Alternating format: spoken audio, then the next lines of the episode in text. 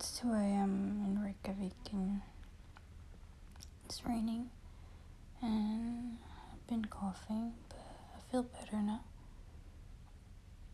Um, mata satu bintitan.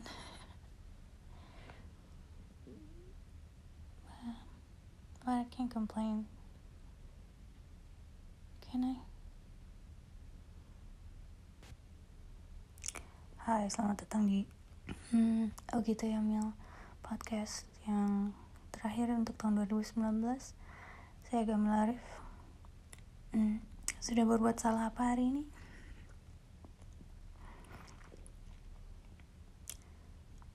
Ada satu area di mana harusnya di closing um, stand up waktu perempuan berhak 14 Desember itu aku bilang perempuan berhak berbuat apa gitu perempuan berhak blank gitu titik-titik. Perempuan berhak apa gitu. Aku kira aku akan sebutin itu pas closing pas baris rame-rame sama uh, komik lainnya.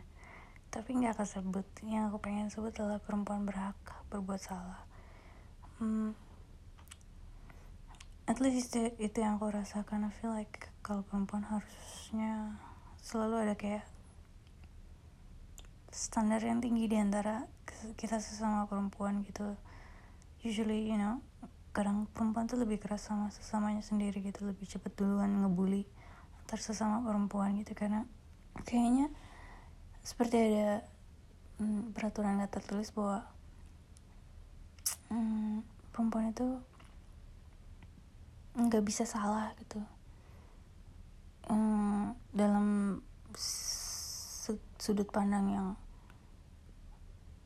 sangat uh, apa ya mungkin buat banyak gender laki-laki merasa bahwa ini hal yang koridornya lelucon gitu. Tapi kalau buat aku nggak ada lucu-lucunya gitu. Sehingga malah justru penghukuman terkeras gitu ketika mm, di maknakan bahwa kalau jadi perempuan nggak bisa berbuat salah gitu. Salah dikit aja tuh kayak seperti uh, bensin untuk sorry untuk kamu mengkritisi gue gitu. Ngomong bensin hmm, ternyata di Iceland bensin juga namanya. Hmm semalam gak bisa keluar makanan terus minta tolong panci untuk beliin makanan. Dan ada kesempatan untuk makan herring aku pesen herring. Sekarang aku menyesal karena rasanya kayak makan orang. Um, yeah I really think I think that's the best thing I I feel like um, apa ya kembali lagi ke yang pendapat aku mengenai perempuan berhak apa? Menurut aku itu yang berhak kita kenali dan kita kuasai bahwa perempuan berhak salah sebagai hanya sebagai perempuan bukan sebagai manusia. Karena sebagai manusia ya semua manusia juga berhak melakukan kesalahan. Menurut gue itu satu hal yang sehat ya kan kalau nggak berbuat salah belum tentu. Uh, itu hal yang positif juga gitu. Maksud gue in life in general dalam kehidupan kita yang uh, banyak sekali ruang atau banyak sekali sudut di mana kita di uh, paksa untuk memilih gitu. Belum lama ini anakku yang cowok di hmm, pendidikan sains ilmu pengetahuan al gurunya agak-agak komplain gitu soal hmm, dia nggak bisa memutuskan gitu.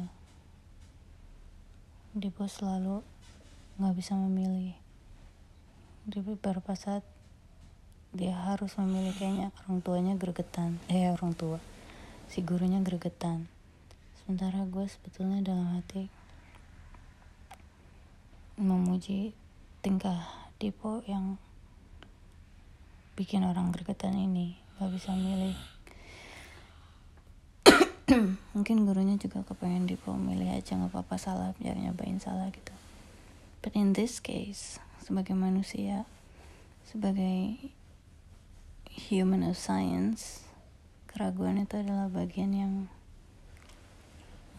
sangat besar yang membiayai semua uh, apa ya kebudayaan atau uh, uh, kemenangan dalam teknologi hmm, mungkin penjelasannya begini. Keraguan-raguan itu adalah anugerah. Tanpa keraguan-raguan hmm, sains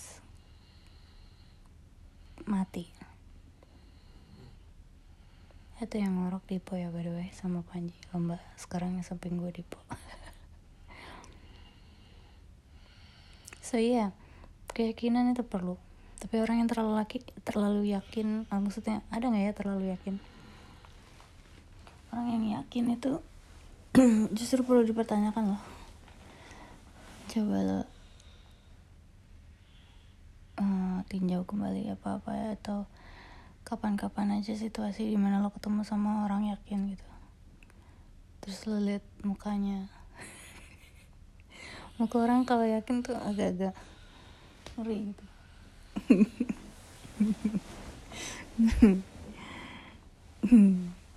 Ngeri apa bego ya?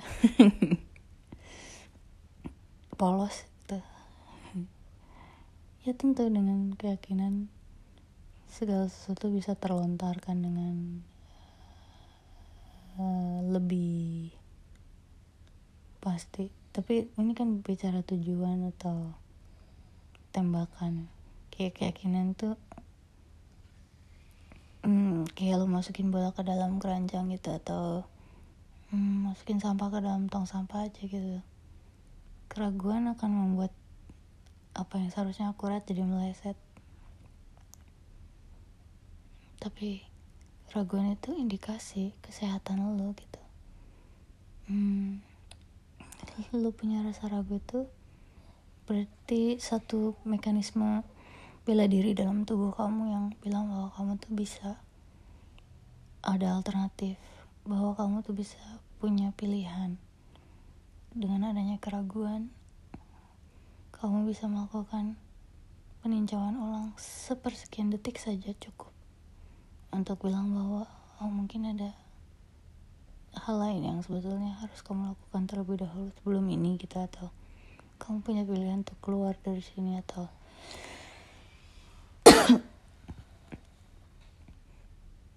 kamu masih punya waktu gitu aja. Tapi ketika kamu gak punya waktu ketika kamu terdesak itu juga mekanisme yang membuat diri kamu atau badan kamu selamat gitu. tapi um, mungkin bukan yakin kata yang tepat tapi hmm, apa ya perasaan atau keinginan yang tulus aja gitu atau gue masih merasa yakin itu satu hal yang ofensif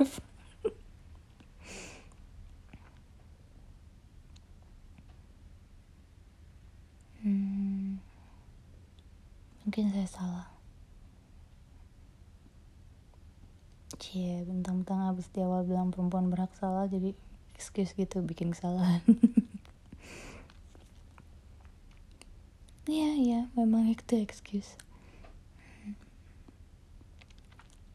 Anyway, 2019 has been a very good year for me. I think it's been it's been giving me um, a place to smile, to stand up, literally and figuratively. I did stand up then dan um, um, merasakan tergerusnya uh, um, ego diri ketika melakukan stand up hmm, mungkin lebih kayak oh gue ngerti sekarang apa yang kalian alami gitu. Ditambah uh, kebanyakan yang melakukan di Indonesia kan cowok ya probably around the world too kebanyakan stand up dilakukan laki-laki. Um, kayaknya nggak ada kaitannya dengan kalau perempuan itu nggak bisa ditolak atau tahu malu atau laki-laki nggak tahu malu. Lebih kayak hmm,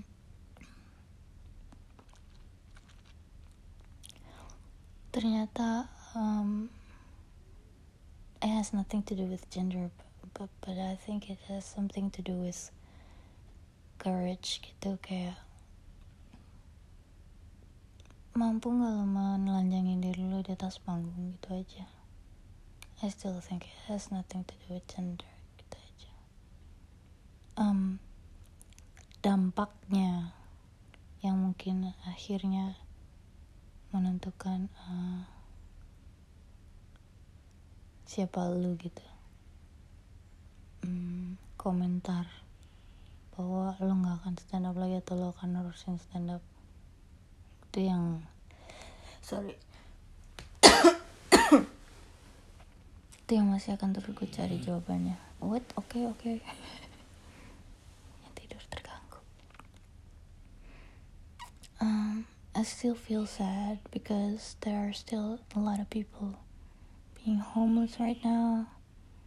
And a lot of people are starving right now. I wish we can change that.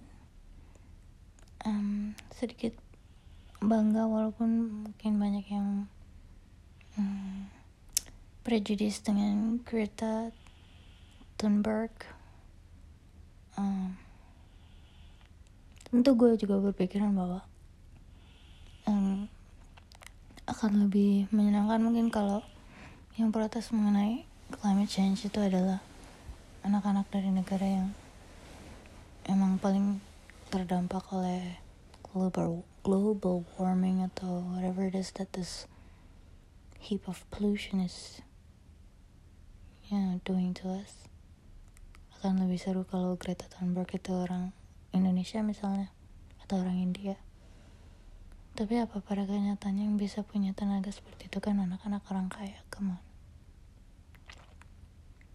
Dan um, banyak pergerakan di dunia ini yang memang intinya adalah akan lebih baik kalau anak-anak orang kaya bertindak gitu. Hmm, karena apa yang terjadi selama ini adalah anak-anak orang kaya tidak dapat bertindak apa-apa atau nggak punya motivasi kecuali untuk memamerkan I don't think that's even the word. I don't think anak orang kaya juga mampu untuk pamerin kekayaannya. Yang terngeri adalah anak-anak orang kaya cuma bisa pamerin bahwa mereka benar gitu. Mereka insaf gitu. I think that's that would be the worst kind of generation.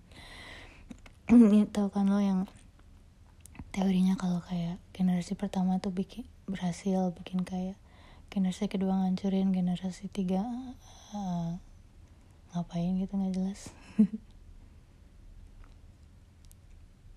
I I've I've seen that. In, in my dad's family. Ya yeah. bokap gue generasi yang ngancurin apa yang udah dibangun generasi pertama. Well, I don't know about you guys, but um, gue bukan big believer of actual like time, like this consensus of time, like tahun masehi gitu. So I don't really, you know, I'm not really the type to go out and celebrate. Tapi bukan juga pendukung orang yang tidak perlu merayakan ini itu. I mean come on. Mau umur berapa lagi lu bisa you know kayak hidup karena karena di, hidup terbatas karena umur cukup terjadi di usia 17 ke bawah gitu. Orang usia 17 ke atas sudah lah why why are we doing this to each other? Mau pakai ngelarang-larang like larangan tertinggi cukup dengan larang dalam makna larang itu adalah mahal dan mahal itu adalah bisa dibayar gitu. Mengecewakan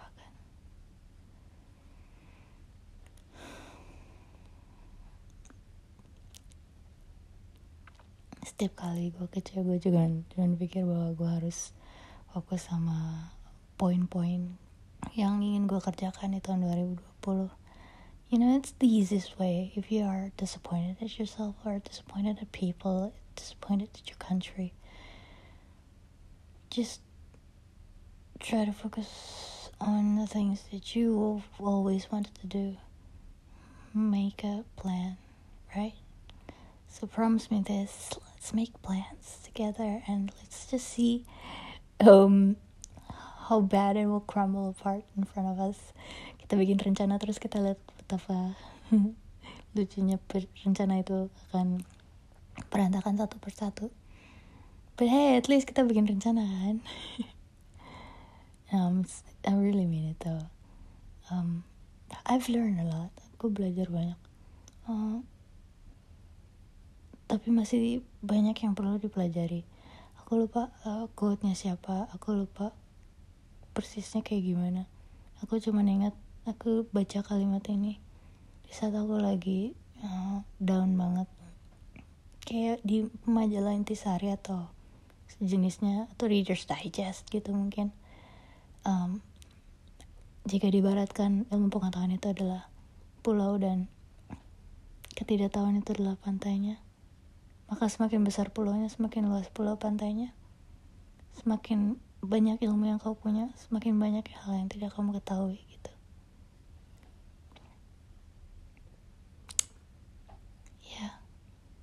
um, tapi itu bukan berarti alasan untuk lo jadi nggak mau tahu apa-apa ya. It's just something I was um, I've been holding on to. Aku suka sekali sama pemikiran seperti itu Maka itu sudah menjadi pedoman aku sejak probably 2011 kurang 2010 mungkin I like it on that note, I'm gonna end this. Mm. Hope you have a pleasant 2020. I'm excited about it. I'm looking forward to it. It's just because I have like plans and I'm looking forward to see my plans blossom gitu. Meskipun tidak seindah yang akan aku bayangkan, aku tahu aku butuh energi banyak. Aku tahu aku butuh sehat. Mm, I'm just gonna do it one by one. I wanna give myself a chance. Um, aku ingin baik sama diri aku sendiri. Aku ingin kasih diri aku sendiri kesempatan. Hmm, aku nggak tahu siapa yang dengerin ini tapi mudah-mudahan kita bisa saling support. So um, tetap ceria. I love you all